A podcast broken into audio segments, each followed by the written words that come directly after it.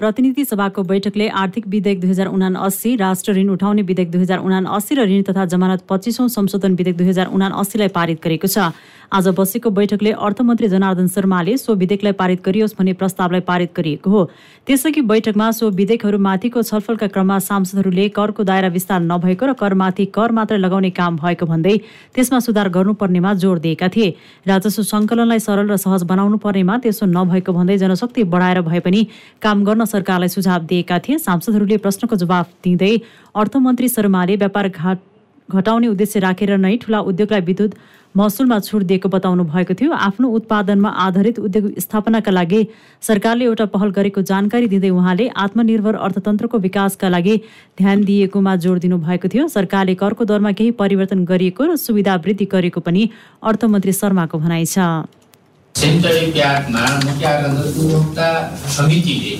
रातो कर माफ गर भनेर माइती घरमा नारा लगाउँदै गर्दा उपभोक्ता समितिले पनि आफ्नो दायित्व पुरा गर्नु पर्थ्यो होला त्यति बेला ती उद्योगीहरूले पनि आएर आफ्नो कुरा राख्नु पर्थ्यो होला। कसैले नराख्ने र एउटा आन्दोलन गर्ने महिलाहरूले रातो कर माफ गर भन्ने जस्तो नारा लाएर गरेको आन्दोलनलाई सम्बोधन गर्नुपर्छ कि पर्दैन।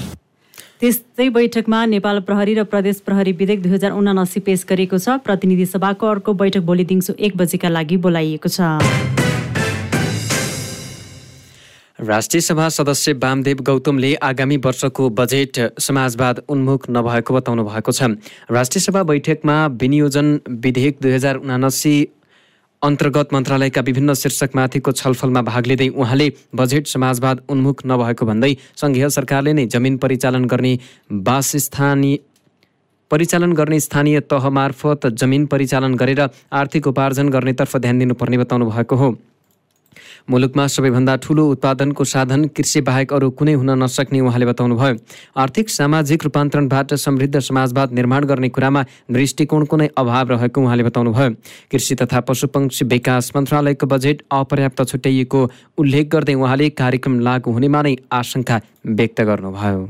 संविधानमा पनि लेखेको छ र सरकारले हर ठाउँमा त्यो उल्लेख गरेको छ। हामी त्यो बाटोमा जान्छौँ भनेर भनेको छ। तर बजेटलाई हेर्दाखेरि यो विनियोजनलाई हेर्दाखेरि मैले एउटा पनि कार्यक्रम समाजवाद उन्मुख भएको मैले ठानिनँ। त्यस भएर सबै राम्रा कार्यक्रमहरू छन्। विरोध गर्न मन लाग्दैन। तर यसलाई हेर्दाखेरि दृष्टिकोण छैन। परिवर्तनको सुरुवात गर्न पर्ने हो भनेर भन्ने छैन। विनियोजन विधेयकमाथिको विभिन्न शीर्षकमाथिको छलफलमा सांसद नन्दा चपाईले बजेटले धेरै क्षेत्रका महिलाका विषय समेटिनु सकारात्मक भए पनि महिला मन्त्रालयले अध्ययन र अनुसन्धानलाई अघि बढाउनु पर्ने बताउनुभयो। सांसद देवेन्द्र दाहालले सरकारको नीति तथा कार्यक्रम एकातिर र बजेट अर्कातिर भएको बताउनुभयो। यस्तै सांसद खिमलाल देवकोटाले सङ्घीय सरकारले जस्तोसुकै योजना प्रदेश र स्थानीय तहमा पठाएर तलको लोड थपेको बताउनुभयो। सभामुख अग्नि प्रसाद सापकोटाले इन्धनको मूल्य वृद्धिको कारण सदनलाई जानकारी गराउन सरकारलाई निर्देशन दिनुभएको छ। पटक पटक इन्धनको मूल्य वृद्धि भएको भन्दै सांसदहरूले प्रतिनिधि सभाको आजको बैठकमा सभामुखको ध्यान आकर्षण गराएपछि उहाँले सरकारका नाममा रुलिङ गर्नुभएको हो। सभामुखले पेट्रोलियम पदार्थको मूल्य वृद्धिका सन्दर्भमा आफ्नो ध्यान आकर्षण भएको बताउनु भएको थियो। यस विषयमा सरकारलाई सत्य तथ्य सदनमा समक्ष पेश गर्न उहाँले निर्देशन दिनुभयो। मान्य सदस्यहरूले उठाउनु भएको कुराप्रति मेरो पनि ध्यान आकर्षण भएको छ र सरकारको ध्यान आकर्षण गराउन चाहन्छु र यस विषयमा सरकारले सत्य तथ्य सदन समक्ष पेश गर्नका लागि निर्देश मान्य सदस्यहरू अब बस्नु। त्यसअघि बैठकमा नेपाल आयल निगमले गै रातिदेखि इन्धनमा चरम मूल्य वृद्धि गरेको भन्दै सांसदहरूले विरोध जनाएका थिए। सांसद पद्मा अर्यालले नागरिकको ढाड सेक्ने गरी मूल्य वृद्धि गरिएको आरोप लगाउनु भएको थियो। उहाँले पेट्रोल पम्पमा स्टक राखेर मूल्य वृद्धि गरिँदा ठूलो आर्थिक लाभ हासिल भएको पनि आरोप लगाउनुभयो। छोटो छोटो समयमा मूल्य वृद्धि गरेर नागरिकको दैनिक जनजीवन प्रभावित भएको उहाँले भनाइराख्नुभयो। त्यसैले यसरी जनताको ठाड सेकेर असुली गरेको पैसा कहाँ गएको छ सम्माननीय सभामुख महोदय? हामीले यसको जवाफ पनि चाहन्छौँ सम्माननीय सभामुख महोदय। यदि मान्य मन्त्रीजीहरूको संलग्नता छैन भने मान्य मन्त्रीजीहरू किन मौन बस्नु भएको छ? किन मुख दर्शक बस्नु भएको छ? सम्माननीय सभामुख महोदय यसको पनि जवाफ हामीलाई चाहिन्छ। इम्पोस्ट नम्बर प्लेटको सन्दर्भमा पनि ठुलो मात्रामा घोटाला भएको छ सभामुख महोदय। देशमा आर्थिक मन्दी छ महँगी बढेको छ नागरिकको जीवन कष्टकर भएको छ। तर यस्तो अवस्थामा पनि इन्भोइस नम्बर अनिवार्य गर्नुपर्ने बाध्यता सरकारलाई के कारणले आइलाग्यो सभामुख महोदय? यो प्रश्न पनि अनुत्तरित छ।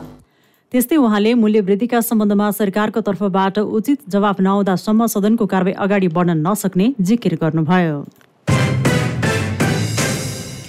अर्थमन्त्री जनार्दन शर्माले स्वदेशी वस्तुमा आत्मनिर्भर हुनका लागि कृषि क्षेत्रलाई प्राथमिकतामा राखिएको बताउनु भएको छ। सिंहदरबारमा आज बसेको प्रतिनिधि सभा अन्तर्गतको उद्योग समिति बैठकमा अर्थमन्त्री शर्माले विभिन्न वस्तुहरूलाई आयात गर्दा व्यापार घाटा बढ्ने र मूल्यवृद्धि समेत भएकाले स्वदेशी वस्तुमा आत्मनिर्भर हुनका लागि कृषि क्षेत्रलाई प्राथमिकतामा राखिएको बताउनु भएको हो। अर्को धानमा आत्मनिर्भर हुनका लागि पनि सरकारले अध्ययन गरिरहेको उहाँको भनाइ छ। अर्थमन्त्री शर्माले आगामी आर्थिक वर्षको बजेटमा अनावश्यक रूपमा करको दायरा हेरफेर नगरिएको समेत बताउनुभयो। त्यस्तै उहाँले स्वदेशी सेनेटरी प्याडको उत्पादनले समेत माग धान्न नसकेका कारण बाहिरबाट आउने सेनेटरी प्याडमा कर छुट दिएको जिकिर गर्नुभयो। उहाँले स्वदेशी उद्योगलाई ध्वस्त पार्ने सरकारको कुनै योजना नरहेको भन्दै उद्योग मैत्री बजेट आएको पनि बताउनु भएको छ। बैठकमा उद्योग वाणिज्य तथा आपूर्ति मन्त्री दिलेन्द्र प्रसाद बडुले उद्योगलाई सहज सञ्चालनका लागि सरकारले आवश्यक सहजीकरण गर्ने बताउनुभयो। उहाँले बन्द भएका उद्योगहरूलाई सञ्चालनका लागि निजी क्षेत्रको सहयोग लिइने धारणा राख्नुभयो। त्यस्तै मन्त्री बडुले पेट्रोलियम पदार्थको मूल्यवृद्धि बाध्यात्मक अवस्था भएको जिकिर गर्नुभयो।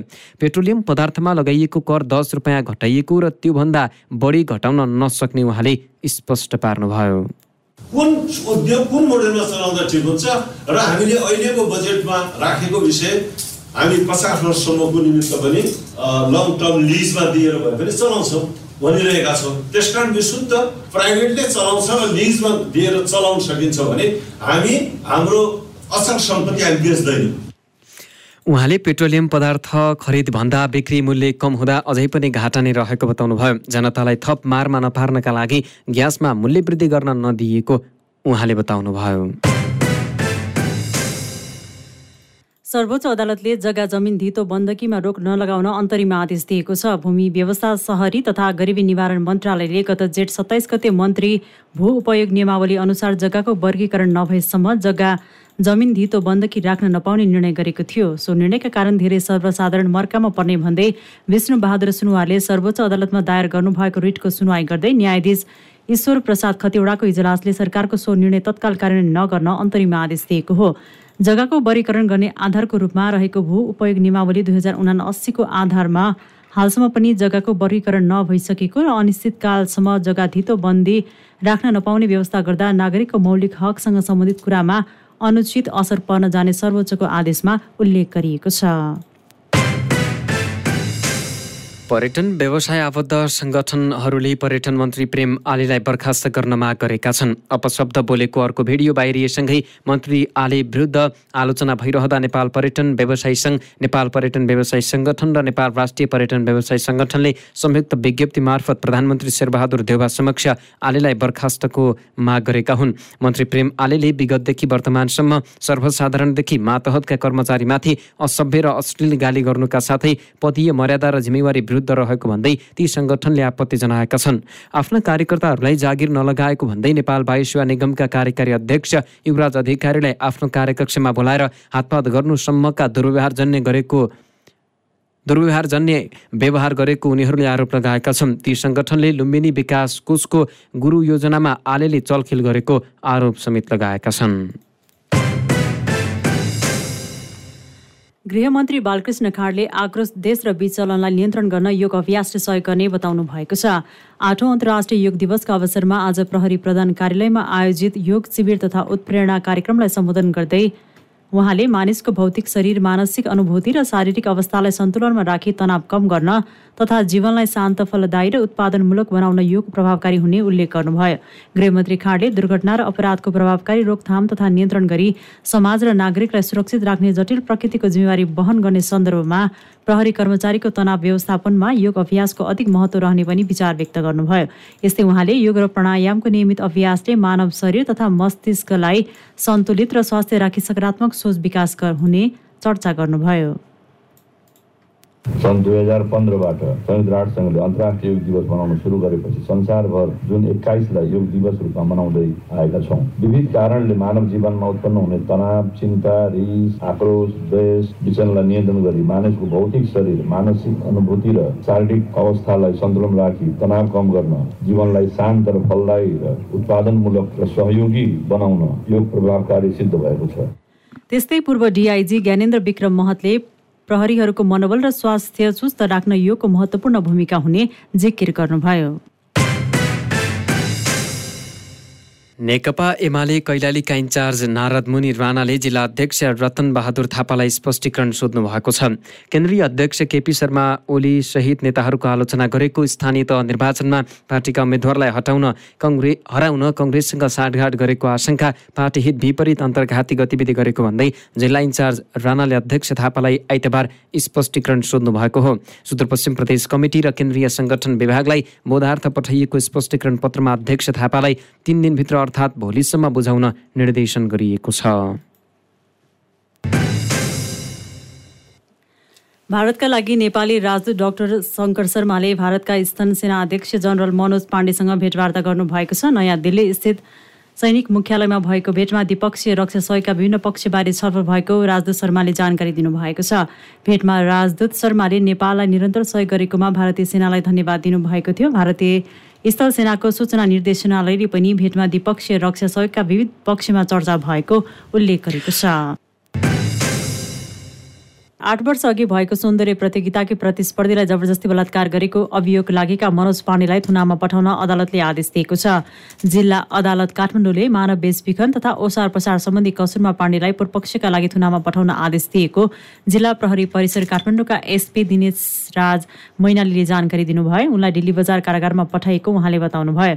न्यायाधीश प्रकाश ढुङ्गनाको इजलासले पाण्डे संलग्न बाल यौन दुरूपयोगको कसुरमा पाण्डेलाई एक लाख रुपियाँ धरौटी माग गर्ने पनि आदेश दिएको छ। गत जेठ चारमा घटनाका पीडितले सामाजिक सञ्जाल मार्फत भिडियो क्लिप सार्वजनिक गर्दै आफूमाथि पाण्डेले पटक पटक बलात्कार गरेको खुलासा गरेकी थिइन्। पाण्डेले सक्सेस पार्टीका नाममा बानेश्वरको एभरेस्ट होटलमा बोलाएर बलात्कार गरेको ती युवतीले बताएकी थिइन्। नेपालमा पछिल्लो चौबिस घन्टामा अठाइसजनामा कोरोना सङ्क्रमण पुष्टि भएको छ। देशभर गरिएको एक हजार आठ सय बैसठी पिसिआर परीक्षणका क्रममा बिसजना र दुई हजार बाहन्न एन्टिजेन परीक्षणका क्रममा आठजनामा कोरोना सङ्क्रमण पुष्टि भएको हो। त्यस्तै थप दसजना सङ्क्रमणमुक्त भएका छन्। हाल नेपालमा एक सय बिस सक्रिय सङ्क्रमित आइसोलेसनमा रहेको मन्त्रालयले जनाएको छ।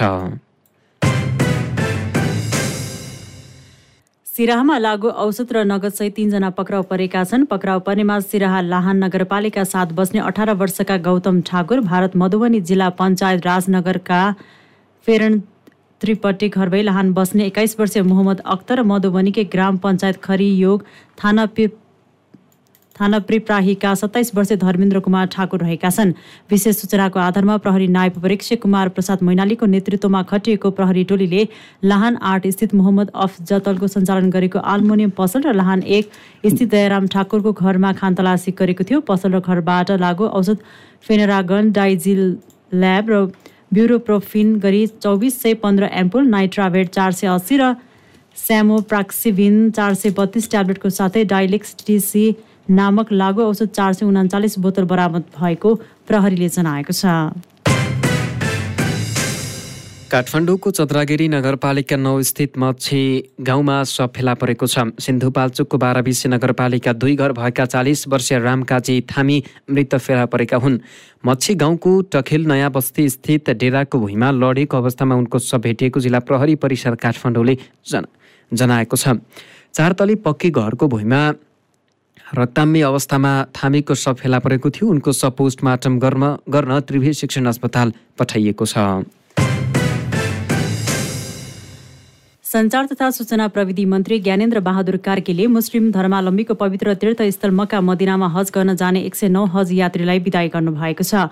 मन्त्री कार्कीले आज बिहान हज यात्रीलाई त्रिभुवन अन्तर्राष्ट्रिय विमानस्थलमा विदाई गर्नुभएको हो। हज यात्राका लागि पहिलो दिन सुनसरीबाट उना असी मोरङबाट चौबिस थापाबाट तिन प्रतिनिधि दुई र चिकित्सा एकजना त्यसतर्फ प्रस्थान गर्नुभएको हो। हज यात्री साउदी अरबको जेद्दा अन्तर्राष्ट्रिय विमानस्थल हुँदै मक्का मदिना पुग्ने नेपाल हज समितिले जनाएको छ। वर्षेनी एक हजार दुई सयजनालाई हज यात्राका लागि व्यवस्थापन गर्ने भएकामा कोभिड नाइन्टिनको प्रभावका कारण यस वर्ष पाँच सय अडचालिसजनाको कोटा निर्धारण गरिएको समितिका सदस्य सचिव कृष्ण पौडेलले जानकारी दिनुभयो। भोलिदेखि पाँच दिनसम्म क्रमशः सबै हज यात्री मक्का मदिना प्रस्थान गरिसक्ने पनि समितिले जनाएको छ। सरकारले आम उपभोक्ताको ढाड सेक्ने गरी पेट्रोलियम पदार्थको मूल्य वृद्धि गरेको भन्दै विभिन्न सरकारवाला पक्षले विरोध जनाएका छन्। उनीहरूले तत्काल सरकारले पेट्रोलियम पदार्थको मूल्य वृद्धि फिर्ता लिनुपर्ने पनि माग गरेका छन्। रिपोर्टर्स क्लब नेपालले पेट्रोलियम पदार्थ र दैनिक उपभोग्य वस्तु लगायतमा भइरहेको निरन्तरको मूल्य वृद्धि र आम जनस्तरमा यसको प्रभावको विषयमा आयोजना गरेको विशेष साक्षात्कारमा बोल्दै विद्यार्थी संगठनका नेताहरू यातायात व्यवसायी र उपभोक्ता अधिकार कर्मीहरूले सरकारले जनतालाई मार्ने गरी पेट्रोलियम पदार्थको मूल्यवृद्धि गरेको भन्दै विरोध जनाएका हुन्। उनीहरूले तत्काल मूल्यवृद्धि फिर्ता नलिए आन्दोलनमा उत्रिने पनि चेतावनी दिएका छन्। साक्षात्कारमा बोल्दै यातायात व्यवसायी राष्ट्रिय महासङ्घका केन्द्रीय अध्यक्ष विजय स्वारले पेट्रोलियम पदार्थको मूल्य वृद्धिले सार्वजनिक यातायात चल्न नसक्ने अवस्थामा पुगेको टिप्पणी गर्नुभयो। उहाँले आफूहरू गाडी व्यवसायी मात्र नभएर त्योभन्दा पहिला नागरिक भएको बताउँदै पेट्रोलियम पदार्थको मूल्य वृद्धिले सार्वजनिक यातायातमा धेरै नै असर गरेको बताउनुभयो। पेट्रोलियम पदार्थको मूल्य बढेसँगै यातायात व्यवस्था विभागले सार्वजनिक गाडीको भाडा दर बढाएको छ।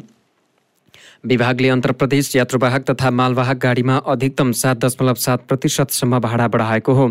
यात्रुवाहक सार्वजनिक सवारी साधनमा पाँच दशमलव तिन शून्य प्रतिशतले भाडा बढेको छ। त्यस्तै पहाडी बाटोमा सञ्चालन हुने मालवाहक सवारीमा छ दशमलव नौ चार तथा तराईको बाटोमा चल्ने मालवाहक सवारीमा सात दशमलव सात प्रतिशतले भाडा वृद्धि गरिएको विभागले आज जारी गरेको सूचनामा उल्लेख छ।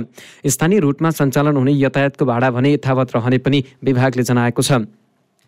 गए राति बाह्र बजेबाट लागू हुने गरी नेपाल आयल निगमले पेट्रोल प्रति लिटर प्रति लिटर एक्काइस रुपियाँ तथा डिजेल मोटितेलमा सत्ताइस रुपियाँ बढाएको थियो। पेट्रोल प्रति लिटर एक सय उनान्सय रुपियाँ र डिजेल मोटितेल प्रति लिटर एक सय बयानब्बे रुपियाँ कायम भएको छ। डिजेलको मूल्य सत्ताइस प्रतिशत बढेकाले सो अनुसार भाडा समायोजन गरिएको विभागले जनाएको छ। यस्तै नेपाल आयल निगमले इन्धनको मूल्यमा भारी अङ्कले वृद्धि गरेपछि वायु सेवा कम्पनीहरूले पनि हवाई भाडा वृद्धि गरेका छन्। कम्पनीहरूले एक सय सत्तरी रुपियाँदेखि आठ सय चालिस रुपियाँसम्म भाडा दर वृद्धि गरेको छ। वायु सेवा सञ्चालक सङ्घ काठमाडौँबाट सबैभन्दा धेरै धनगढीका लागि आठ सय चालिस रुपियाँ भाडा लाग्ने पनि जनाएको छ। अब काठमाडौँ धनगढी रुटको भाडा अधिकतम सोह्र हजार आठ सय पाँच रुपियाँ पुगेको छ। यस्तै काठमाडौँबाट सबैभन्दा कम सिमराका लागि एक सय सत्तरी रुपियाँ भाडा दर कायम भएको छ। अब यो विमानस्थलसम्मको यात्राका लागि अधिकतम चार हजार एक सय पन्चानब्बे रुपियाँ कायम भएको छ। बढेको भाडा दर आउँदो बुधबारबाट लागू हुनेछ। सेयर बजार परिसूचक नेप्सी आज पनि घटेको छ। नेप्से आज उनान्चास दशमलव तिन एक अङ्कले घटेर एक हजार आठ सय चौरासी दशमलव आठ एक बिन्दुमा पुगेको हो। आज दुई सय तिस कम्पनीको एकसठी लाख छयासी हजार नौ सय एकचालिस किता सेयर कुल एक अर्ब पचहत्तर करोड छ लाख एक सय एकात्तर रुपियाँमा कारोबार भएको छ। आज आधी खोला लघुवित्त र सिवाइसी नेपाल लघुवित्तको मूल्य दस प्रतिशत बढेको छ। यस्तै तेह्रथुम पावरको मूल्य दस प्रतिशत र कालिका पावर र रिभर फल्स पावरको मूल्य दौ नौ प्रतिशत घटेको छ। आज Prabhu bank Nepal telecom Himalayan distillery NIC Asia bank र नबिल बैङ्क कारोबार रकमका आधारमा क्रमशः अगाडि रहेका छन्। भैरहवामा रहेको गौतम बुद्ध अन्तर्राष्ट्रिय विमानस्थलबाट थप दुई विदेशी वायु सेवा कम्पनीले पनि अब नियमित उडान भर्ने भएका छन्। नियमित उडान भर्नका लागि एयर अरबिया र युएको फ्लाइ दुवै कम्पनीले प्रक्रिया अघि बढाएको नेपाल नागरिक उड्डयन प्राधिकरण क्यानले जनाएको छ। यी दुवै संयुक्त अरब इमिरेट्स युएका अन्तर्राष्ट्रिय वायु सेवा प्रदाय कम्पनीहरू हुन्। एयर अरबियाले आउँदो दुई हप्ताभित्रै नियमित व्यावसायिक उडान गर्नका लागि इच्छा प्रकट गर्दै प्रक्रिया सुरु गरिएको पनि उड्डयन प्राधिकरणका महानिर्देशक प्रदीप अधिकारीले जानकारी दिनुभएको छ। यसै गरी एक महिना अघि विमानस्थल उद्घाटनसँगै साताको तिन दिन नियमित उडान सुरु गरेको जजिरा एयरलाइन्सले पनि छिट्टै हप्तामा सातैवटा उडान सुरु गर्ने तयारी गरेको गौतम बुद्ध अन्तर्राष्ट्रिय विमानस्थल भैरवका प्रमुख गोविन्द प्रसाद दाहालले जानकारी दिनुभयो। क्यान्डेड न्युजमा अब अन्तर्राष्ट्रिय समाचार। पश्चिमा देशहरूको प्रतिबन्धका कारण रुस चिनलाई सबैभन्दा बढी तेल बेच्ने देश बनेको छ। साउदी अरबलाई उछिन्दै रुस चिनलाई सबैभन्दा बढी तेल बिक्री गर्ने देश बनेको हो। पछिल्लो समय चिनमा रुसबाट आउने तेल पचपन्न प्रतिशतसम्म पुगेको छ। बिबिसीका अनुसार कोरोना महामारी र अर्थतन्त्र कमजोर बन्दै गए पनि चिनले रुसबाट किन्ने तेलको परिणाम भने बढाइरहेको बिबिसीले उल्लेख गरेको छ।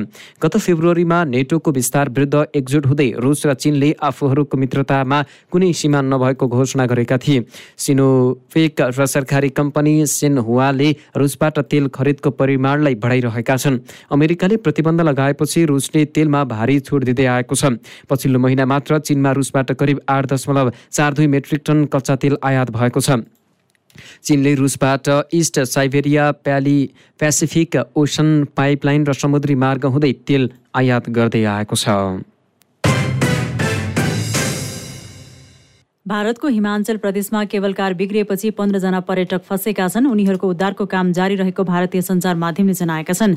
हिमाचल प्रदेशको बरबानु भन्ने स्थानमा रहेको टिम्बर ट्रेलमा खराबी आएपछि केबल कारमा सवार पर्यटक फँसेका हुन्। अहिलेसम्म नौजनाको उद्धार भइसकेको र बाँकीको उद्धार कार्य जारी रहेको पनि समाचारमा उल्लेख गरिएको छ। आज दिउँसो साढे एक बजे केबल कार अड्किएको थियो। उनीहरूलाई रेस्क्यु ट्रली पठाएर उद्धार कार्य जारी रहेको छ। सो केबल कारमा यसअघि पनि सन् उन्नाइस सय बयानब्बेमा समेत यस्तै घटना भएको बताइएको छ। क्यान्डिडेट न्युजमा अब खेलकुदका समाचार। नेपाल एसिसी महिला टी ट्वेन्टी च्याम्पियनसिपको सेमी फाइनलमा प्रवेश गरेको छ। मलेसियाको किनबारा ओभलमा आज बिहान भएको खेलमा बहराइनलाई आठ विकेटले हराउँदै नेपाल एक खेल अगावै सेमी फाइनलमा प्रवेश गरेको हो। बहराइनले दिएको पन्ध्र रनको लक्ष्य नेपालले तीन ओभर चार बलमा दुई विकेट गुमाएर पुरा गर्यो। त्यसअघि पहिले ब्याटिङ गरेको बहराइनले निर्धारित सात दशमलव एक ओभरमा छ विकेट गुमाएर चौध रन बनाएको थियो। वर्षाका कारण खेल छुट्याइएको थियो। समूह बीमा रहेको नेपाल शीर्ष स्थानमा रहेको छ। नेपालले तिन खेलमा छ अङ्क जोडेको छ। नेपालले अन्तिम खेलमा भोलि हङकङसँग खेल्नेछ। आजै भएको अर्को खेलमा युएले आयोजक मलेसियालाई एकतिस रनले पराजित गरेको छ।